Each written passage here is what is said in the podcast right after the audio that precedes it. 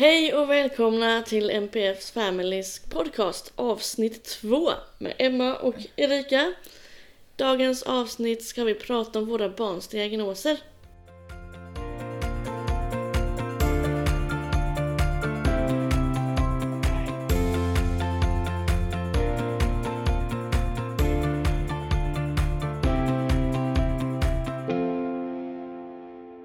Och jag kan ju börja med att säga att min Liam på 6 år, han har diagnoserna autism nivå 3, svår autism alltså, och eh, intellektuell funktionssättning. Han ska även utredas för ADHD, men vi är både jag och hans läkare på habiliteringen är 100% säkra att han har en ADHD-diagnos också. Och sen har han även hjärtfel. Vad har Andrea för diagnoser? Andrea hon har eh, intellektuell funktionsnedsättning, en lätt är den diagnostiserad om. Hon har språkstörning, eh, hon har starka autistiska symptom. Alltså att hennes eh, är övervägande så de kan inte sätta en autismdiagnos. Men hon har också eh, kortvuxenhet som diagnos och även född med hjärtfel. Mm. Jag är lite intresserad av vad, vad är kortvuxenhet? Jag har inte stött på det så mycket i mitt liv. Det har inte jag heller. Kanske inte våra lyssnare heller. Nej, kortvuxenhet, eh, det kan vara kopplat till eh, väldigt mycket olika saker. Eh, olika syndrom. Eh, eller om det är eh, hormonfel. I detta fallet, det enda läkarna vet är om att eh, det hjälper inte med hormonbehandling. Och egentligen så vet vi inte så mycket, varken jag eller läkaren. Eh, det får tiden lite utvisa, men just att detta året så vill läkarna låta henne vara. Eh, eftersom hon har varit med om så mycket när det gäller sjukvård och så. Ja, våra barn behöver ju verkligen vila emellan värven. Ja, men precis. Men när, när det kommer till autism så finns det ju nivå 1 och nivå 2 och nivå 3. Och jag tänker att våra lyssnare har kanske inte riktigt koll på vad de olika nivåerna handlar om. Ja, precis. Och vilka tre huvudområden det handlar om. Det finns ju autism nivå 1, 2 och 3. Liam har ju då 3 och det är svår autism. Det innebär att man behöver mycket omfattande hjälp och eh, stöd i allt. Eh, och eh, hela autismspektrat är ju väldigt, väldigt, väldigt brett.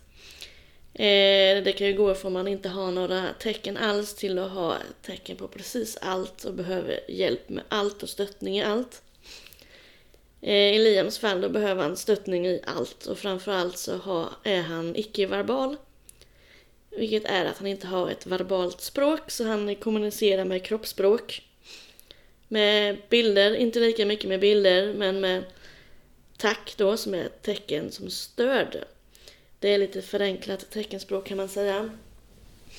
Han tecknar inte själv men han förstår tecken. Är det något som Andrea håller på med? Eller ja, vi, jag upptäckte redan när Andrea var väldigt, väldigt liten, eh, redan vid födsel så upptäckte jag att det var avvikande eh, inslag. Eh, Vad var det som var avvikande då? Det var det mesta. Eh, Andrea var väldigt, väldigt liten när hon föddes, väldigt späd. Eh, skrek hela tiden, eh, sov aldrig. Så redan vid två månaders ålder så upptäckte de ju då hennes hjärtfel. Eh, Vad har hon för hjärtfel? Hon föddes med eh, fel i, eh, ska vi säga, i vänster kammare. Och sen då ett läckage däremellan och blåsljud. Så det krävdes inga operationer och har genom åren växt ihop. Mm. Men jag tänkte lite på det här med när man pratar om, för att återgå till det här med spektrat. Man pratar ju mycket om olika nivåer men om man nu ska verkligen förklara vilken eh, nivå, är det utifrån omgivningens perspektiv eller är det utifrån personen som eh, befinner sig i spektrat? Mm.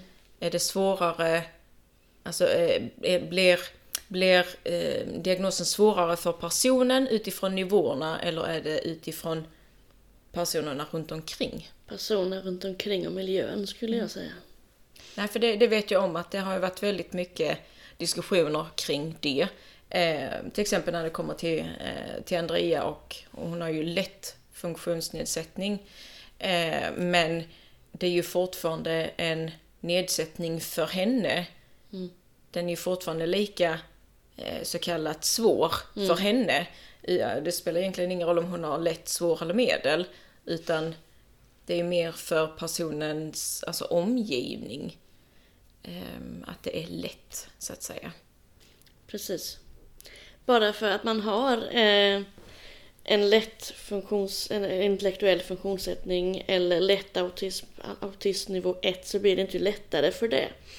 Utan eh, det är fortfarande autism och det är fortfarande svårigheter man har i sociala samspelet, i beteende och, eh, Vardagslivet, och i tänker jag. vardagslivet. Precis. Nej, för det, det, det är ju svårt för...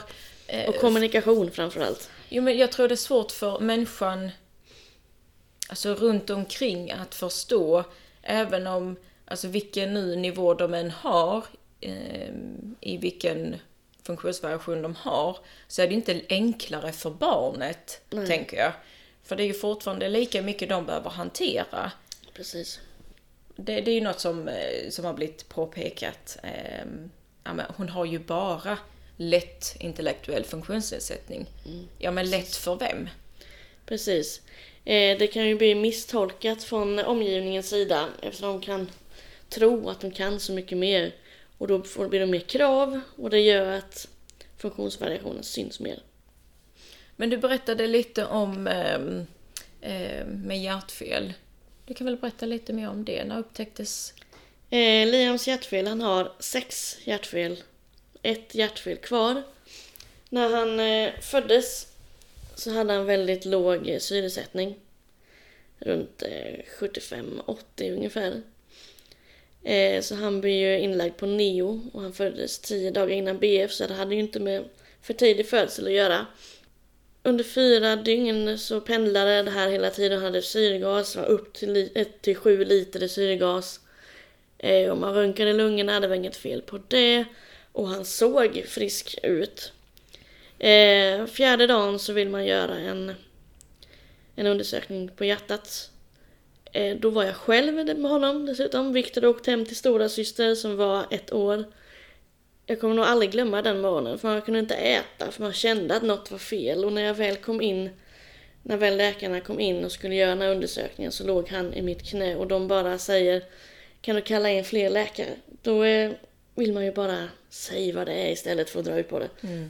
Eh, och då sa de att han hade ett fel som heter transposition. Det är ett hjärtfel där eh, de stora blodkärlen byter plats med varandra. Så det pumpar bara runt syrefattigt blod. Eh, och det är någonting man måste åtgärda direkt. Så eh, från att sväva i den här mysiga bebisbubblan till att plötsligt åka med sitt barn med helikopter ner till Lund. Mitt under julen 2016. Det var ju verkligen från att kastas från en värld till en annan. Då förstår jag, eller när man tänker i en, när man kollar på en film eller serie, att världen stannar upp. Och det gör den verkligen. Att världen stannar upp. Eh, men just, det var i Linköping då de upptäckte det här. Och då var det bara ett fel de såg. När vi väl kom ner till Lund och såg honom där eh, så sa de att han hade sex hjärtfel. Men de ändå hade förhoppningar om att det skulle gå bra. Och det var ju verkligen eh, en stor chock. Man visste ju inte... Man har ju aldrig sett hjärtfel förut. Eller inte jag i alla fall. Jag hade medveten om vad funktionsvariationer var och allt möjligt. Men inte hjärtfel, det var något nytt. Eh, framförallt svårt när det var under julen. För man missade ju Vilmas första jul. Och födelsedag. Men hur påverkar det dig känslomässigt? Att vara iväg, långt iväg ifrån familjen, men också att ha ett barn som man kanske i det läget inte riktigt visste hur det skulle sluta. Hur påverkar det dig känslomässigt? Eh, vi, eh, den där vi gjorde det var att gråta och skratta. Typ ena sekunden bara gråta över situationen, att man var borta ifrån Vilma, att man inte visste om man skulle överleva. Eh, till att få enormt mycket stöttning på sociala medier. Det var då det blossade upp. Jag hade nog mellan 5 till 10 000 läsare då. Det var så många som hörde av sig. Jag vet det var en bloggare som gjorde en insamling för oss. Vad fint. Ja, verkligen. Och det var så många som brydde sig. Och när jag var med i en gravidgrupp på, på eh, Facebook så vet jag att jag fick eh, hemskickat ett stort eh, kuvert där alla hade skrivit sitt namn och att de hade skänkt pengar till eh, Hjärtebarnsfonden. Det var, var lite coolt. I många fall så är det personer man inte riktigt känner som stöttar en bäst via Verkligen. sociala medier. Verkligen, det var verkligen ett uppsving där och något som jag verkligen ville förmedla och prata mer om och det har ju verkligen följt med hela tiden. Mm. Eh, men den här operationen i alla fall gjorde han när han var en vecka. Eh, och då hade han ju ASD och VSD, det är ju hål i kamrarna och hål i skiljeväggen. Väldigt stora hål. Eh, aortan var felkonstruerad och eh, det var förträngning i aortan och den är fortfarande kvar. Kranskärlen satt på fel plats, jag tror det var sex stycken där. och utöver den här operationen då har han gjort eh, tre operationer till. Där man eh, eh ballongspränger typ. Man går in med kateter in i där eh, själva förträngningen sitter. Och blåser upp den så att förträngningen blir ännu större. Eller mindre ska jag säga. Eh, och det gjorde väldigt stor skillnad på han. Han var tio månader från att inte kunna krypa eller stå till att krypa och stå på en vecka. Mm. Det var också den markanta skillnaden som jag har sett. Ja, det var det. Det, det, Kunna- måste, det måste ha varit en tuff tid. Det var en tuff tid. Det kom ett halvår senare, gjorde. När han var ett halvår gammal, då började vi reagera. Mm. Innan dess bara, gud vad enkelt det här var. Var det bara så här? Men det kom ett halvår senare och jag ångrar att man inte hade någon att prata med då. Ja, och att man inte tog den hjälpen. Så det säger jag till alla där ute. Föds ett barn med hjärtfel eller vad som helst. Prata med någon direkt. Istället för att det kommer sen, för det gör det. Ja, det kommer alltid i fatten. Mm. Men kommer dina, dina barn, eller på att säga, kommer Andrea någon gång operera sitt hjärta? Nej. Eh, det är ju så kallat läkt. Mm. Eh, men där kan ju ändå, alltså blåsljudet var ju så pass eh, och även läckaget eh, att det läkte så. Men hon var ju väldigt påverkad under första levnadsåren. Eh, för att det pumpade ju liksom inte riktigt som det skulle, det var läckage och, Så att jag tror det var läkt vid, vid ett års ålder. Men det var ju med en jobbig tid, alltså det här eh, Ovissheten. Ja. Få det här beskedet. Och vi skulle egentligen bara till BVC, jag och Andrea. Vi skulle på en helt vanlig eh, BVC-koll. Eh, för det var ingenting de upptäckte i hjärtat, eller i hjärtat, i magen. Att hon hade Mm. Nej, inte på Liam heller. Det enda de upptäckte i magen det är att hon har längre lårben. Eh, lite avvikande där på skelettet, men de upptäckte aldrig hjärtfelet. Och, och komma till helt vanligt BVC-besök. Vi skulle dit och kolla vikt och längd och gå därifrån med, med liksom andan i halsen och tårar och liksom att ditt barn har hjärtfel. Eh, vi vet inte vad det är, men det är ett hjärtfel. Den, Hjärtat är så känsligt Ja. med tänker man ju. Man tror ju att det är på liv eller död. jo men det gör man ju för att det, det, är ju, alltså, det är ju det som håller kroppen igång. Mm. Det är ju slutar det slå, sen, sen är det ju slut. Precis. Ehm, och det vet jag, det, det påverkade mig väldigt mycket. Um, alltså just att veta att det är något som inte riktigt stämmer. Och Alltså känslomässigt det är så svårt att förklara för har man, alltså har man inte varit med om det så det är så svårt att förklara hur man känner. Ja, verkligen. Alltså när man är orolig, man, det, det är liksom, man tänker ju i olika scenarier. Precis, och en del säger bara att det är ju bara en operation. Det är bara. Mm. Hela tiden det här ordet, ja men det är bara en operation. Det är Precis. bara ett Det kommer blåsljud. gå bra. Ja, men allt det andra då? Ja.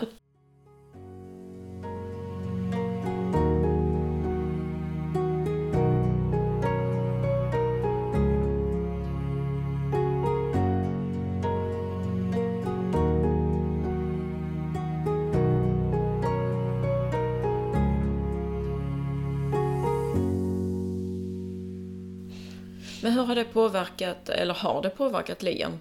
Eh, Hjärtfelen? Mm. Eh, enligt läkarna ska det inte ha det, men jag som mamma tycker absolut att det har det.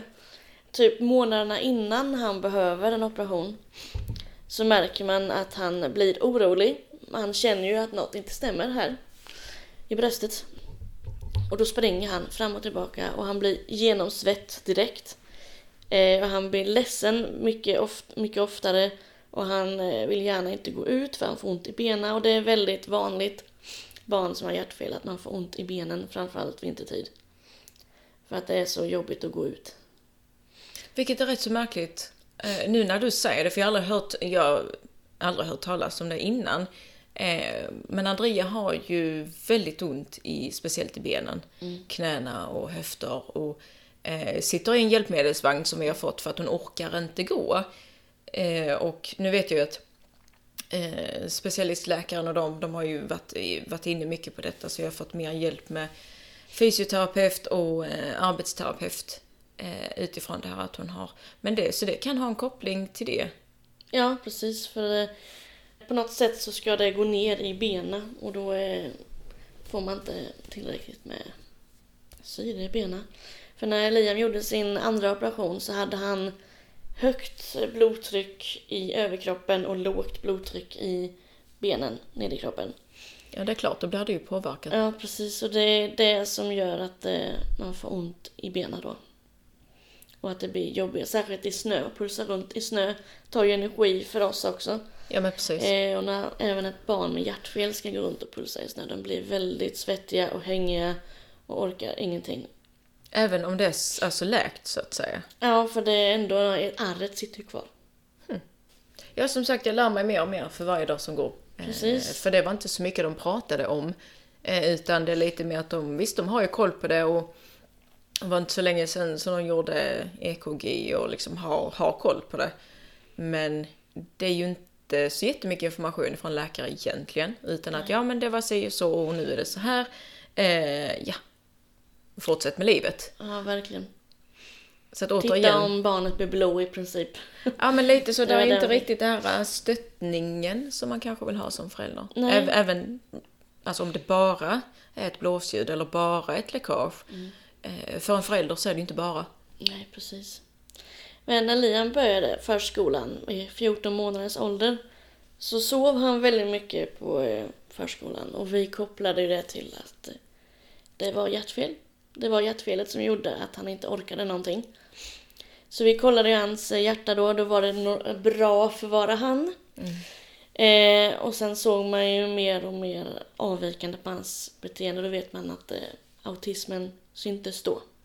Så när Liam var redan ett år så märkte vi väldigt stora eh, grejer på Liam som var avvikande. Han eh, hade ingen ögonkontakt. Han tittade i tomma intet typ hela tiden. Han pekade ingenting, han vinkade ingenting, han härmade inget. Han lyssnade inte på sitt namn och han eh, radade upp leksaker bara och eh, lekte på sitt sätt och brydde sig inte om stora syster så fort hon kom i närheten så puttade han undan henne. Och det märktes väldigt tydligt på förskolan också för ingen, han ville inte leka med någon där. Och han ville inte vara där framförallt. Hur märktes det på Andreas på förskolan och hur tidigt märktes det på henne och vad var första signalerna? Jag tyckte att jag märkte det väldigt tidigt och även eh, personer runt omkring. Just det som du säger. Eh, ingen ögonkontakt. Eh, jag, jag trodde ju först att hon hade en hörselnedsättning. Ja, vi också. Så Eh, vi gjorde ju en hörselkontroll. Precis, eftersom hon inte reagerade inte på tilltal, alltså eh, på namn då. Eh, sökte... Bara som intresserade, typ sätter man på Pippi eller Babblarna-låten så kom de direkt liksom. Ja, det, ja precis. Det har ju alltid varit eh, Babblar och Greta Gris och lite så. Men annars så har det inte, det var, det var inget intresse. Och som sagt, vi gjorde också en hörselkoll och de sa att nej men hon, hon har väldigt bra hörsel. Ehm, så det var ju mycket det. Eh, Andrea hon eh, lärde sig inte att krypa, kunde inte sitta själv. Det tog väldigt, väldigt lång tid. När hon var ett så satt hon upp i soffan med hjälp av kuddar. Eh, hon tog sitt första steg själv när hon var två. Så att hela hennes eh, motorik och allt det här det har ju varit Så väldigt, väldigt satt sent. ner då när hon eh, lekte och grejade tills hon var två. Eh, ja, alltså hon, ja precis. Hon försökte ju och ramlade väldigt mycket och så men hon försökte gå och, men annars så satt hon och det tog jättelång tid innan hon ens kröp faktiskt. Eh, satt väldigt mycket i en sån, eh, en sån vagn som man kan spralla med benen. Men det var ändå ingen, inget det här att jag ska komma framåt utan hon satt där i den och, och lekte lite så men Eh, inte jätteintresserad av att leka heller. Det kan jag inte säga. Så att, Var det BVC som tog er vidare då? Eh, ja, det var det faktiskt. Eh, för jag var ju den jobbiga mamman såklart, eh, som vi alla eh, mammor eller pappor som, har, eh, som upptäcker att det är något avvikande. Eh, jag påtalar ju det jämt och ständigt när vi var hos BVC att alltså det, något stämmer inte. Eh, och till sist så upptäckte ju med då vårdcentralen och BVC då att ja men det är inte riktigt, det stämmer inte. Och då blev vi faktiskt kopplade till en barnpsykolog Ja, det blev vi med. när hon var två. Och vi kom dit och eh, det räckte med väldigt fåtal gånger han träffade henne. Eh, Och han upptäckte att nej men ni, ni behöver komma vidare till BUP. Så när vi var två och ett halvt så kom vi vidare till BUP. Eh, för mig, eller för oss, så var det en relativt enkel resa ändå i jämförelse med många andra. När Liam var ett och ett halvt eh, och så var vi på BVC-kontrollen. Eh, och då sa jag att jag ville gå vidare med det här för jag tror, eller jag vet, att eh, han har bland annat autism. Eh, och det tyckte hon också för han eh, det var då han var väldigt mycket så han sprang fram och tillbaka hela tiden med händerna upp i luften och skrek we. Hela tiden. Och framförallt när han var sprallig och glad över någonting. Det gör han fortfarande men inte i lika stor utsträckning. Eh, och då kommer vi till en barnpsykolog på BVC då. Som gjorde en lekobservation på förskolan. Eh, och sen hade vi ett möte med henne igen och då rekommenderade hon oss att eh, hon skickar en remiss till eh, habiliteringen i Jönköping. Eh, och jag tror det var 2019 vi fick den remissen och sen var vi på habiliteringen kom vi dit i maj tror jag 2019 och sen fick vi vänta ett år på utredningen då. Och jag tycker det är så sjukt att det är så långa väntetider. Det är otroligt långa väntetider. Jag vet ju, vi kom ju dit när jag var två och ett halvt, men då kom vi bara till BUP. Och eh, första Ja, tiden där så gjorde de egentligen inte så mycket. Utan jag fick prata med en sjuksköterska. Eh, som skulle vara, ja men de här typiska lekobservationer och, och så. Eh, och nu vet jag inte riktigt hur lång tid det tog innan vi fick träffa en eh, psykolog. Vi hade två psykologer. Eh, men sen då när vi fick då den sista eh, så gjorde hon ju eh, utredningen under ett års tid. Ett års tid. Ja. Hon började göra det när hon var tre. Eh, olika tester, för hon var inte riktigt samarbetsvillig. och det, det är ju inte så jättekonstigt. Jag menar, det hade ingen förståelse överhuvudtaget varför hon var där, varför hon skulle göra det och, och just det här att träffa eh, främmande människor, det var inte riktigt intressant heller. Så att eh, under ett års tid gjorde hon ju olika eh, och då kom hon fram till att eh, när hon var fyra, eh, intellektuell funktionsnedsättning. Men det tog ett helt år. Eh, Det bästa med just habiliteringen i Jönköping är att under tiden man väntar på utredning så får man komma dit ändå. Och träffa arbetsterapeut, sjukgymnast, eh, logoped och specialpedagog. Jag tror vi träffade dem fyra, fem gånger för att få tips och tricks och de eh, lekte med honom och observerade dem. Så, det tog de med sig i utredningen och själva utredningen tog inte alls lång tid. Två veckor. En dag var han med bara. Det var intervju med läkare, intervju med psykolog och sen en lekobservation på honom och sen en utvecklingsobservation på honom. För att kolla intellektuella funktionssättningen var på utvecklingsnivån och sen kollade de sitt eh, sociala samspel och kollade autismen där. Så det var under en dag bara. Oj, och så då om man ser på, på Andreas som det drogs ut på ett helt år. För det, det var ju massa det här med, alltså de skulle koppla in förskolan och de skulle göra olika observationer. Och sen var hon tvungen att upprepa eh, testet så att säga efter ett år. Eh, för att se liksom hur skillnaden var där. Eh, men det, det tog tid och det var ett jobbigt år. Både för Andrea men också för mig som förälder. Ja, man får ju utsättas enormt mycket. Ja. Och det här är ovissheten, att inte veta. Eh, Och jag- inte få hjälpen heller. Nej, alltså precis. Eh, de- den har ju aldrig funnits så sett, men, men just det här... eh, Det, det blev lite... mm, Alltså autistisk, ja, det, det såg jag. Men på något sätt så blev man ju så, alltså i den här eh, tunneln. Mm. Eh, Men sen då att hon sa att hon hade intellektuell funktionsnedsättning. Det blev lite, och när man fick det på papper då blev det, oj. Man vet ju om det, Ja. även för vi har ju ändå jobbat med det tidigare. Och man vet ju om att den har det, men sen när det väl är svart på vitt, då känns det ändå Ja, det är klart ja. på något sätt. Det, det, det blir så verkligt. Precis. Det blir jätteverkligt. Det är nu livet börjar, känner man. Ett nytt liv, ett nytt kapitel. Ja, Och det ska vi ta med storm. Absolut. Eh, det, det kan jag definitivt hålla med om. Sen jag fick Andrea så har ju vårt liv eh, förändrats otroligt mycket. Inte bara för mig och flickorna, men för, alla runt omkring. Ja, absolut. För mormor och morfar och morbror, och, men också mina väninnor. Alltså, Precis. allt runt omkring har ju verkligen blivit annorlunda. Positivt annorlunda kan jag tycka.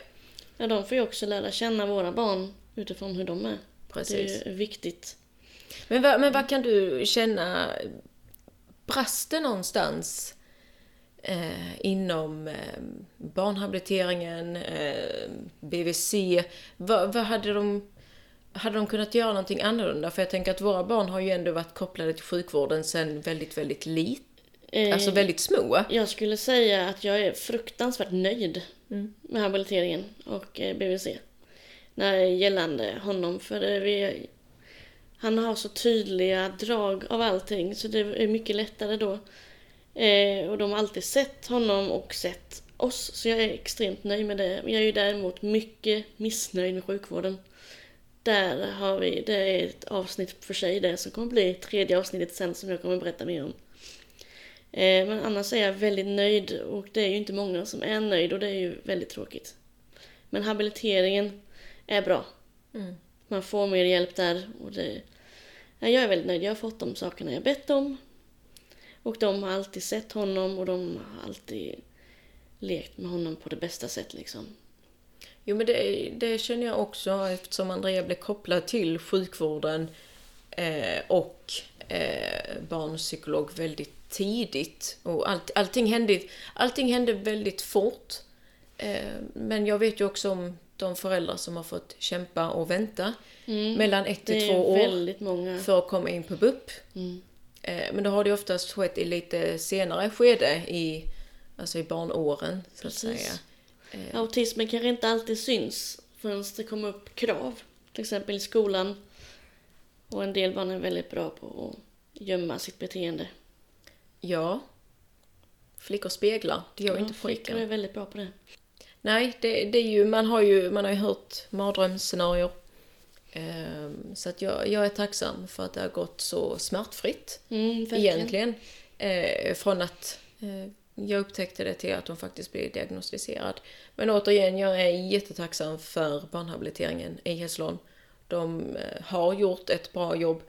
Jag älskar hennes specialpedagog Birgitta. Hon är ju min första och största eh, stöttepelare Får hoppas hon lyssnar på det här avsnittet.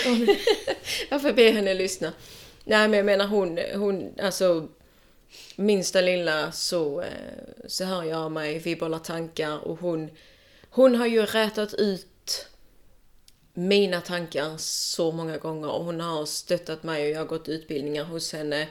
Ehm, ja, hon, hon gör ett bra jobb, det, det gör hon. Och jag det önskar, ska sägas till de som gör ett bra jobb inom sjukvården och framförallt med eh, barn med funktionsvariationer. De ska hyllas. absolut, det är nästan så de borde ha en liten, eh, en liten sån här, vad kallar man det? En liten brosch eller någonting. Eh. Mm. som symboliserar deras kunskap. För det, de gör skillnad. De gör jättestor skillnad. Mm. Det gör de. Verkligen. Ja, Det finns väl inte så mycket mer att säga om just detta avsnittet Nej, när det handlar om våra det barn. finns deras- ju enormt mycket mer att berätta om det. Men det här var ju stora drag om våra barns diagnoser. Och det finns ju ännu mer att prata om givetvis. Men allt får inte plats på ett enda avsnitt. Nej, det gör det inte. Jag hade kunnat sitta och prata i timmar Precis. eh, om hur saker, eh, alltså hur, hur man upptäckte det och, eh, och så. Men man får ju, det får komma i fler avsnitt. Precis. Men det är så sjukt att vissa föräldrar måste kämpa så extremt mycket för att få den rätt till hjälp som de behöver. Ja. Det är ju inte många som får gå igenom det här så smärtsamt, inte smärtsamt, Smärtfritt. eh, smärtfritt som möjligt som vi har gjort. Ja. Vi är ju väldigt nöjda båda två med barnrehabil- barnrehabiliteringen. Och vissa får inte alls den hjälp de behöver eller blir inte lyssnade på. Nej. Så det ska vi ändra på. Alla ska inte behöva kämpa och strida för allt utan det ska bara gå. Lyssna på föräldrarna för de har alltid rätt. Ja, det ska vara... Magkänslan stämmer. Ja, men det ska gå som en röd tråd. Mm. Det, det ska inte finnas de här ifrågasättande eh, om föräldern faktiskt har rätt eller fel. Eh, det ligger lite i eh, magkänslan. Precis, och magkänslan stämmer alltid hos föräldrar, Ja. särskilt mammor. Det gör det. Och det ska, man ska lyssna på föräldrarna. Vilket det inte alltid gör. Nej, precis. Men det kommer förändras. Precis, och sjukvården tror att de alltid har rätt. Ja, vilket de inte har. Nej, precis. Det här var nog allt för det här avsnittet. Det tycker jag. Det flöt på mycket bättre än det första i alla fall. Vi alla är nybörjare på någonting. Precis. Och det tredje avsnittet kommer bli om trauman, så missa inte det. Det kommer att bli intressant och lärorikt även det. Verkligen. Och känslosamt. Ja, tack så mycket. Tack och hej.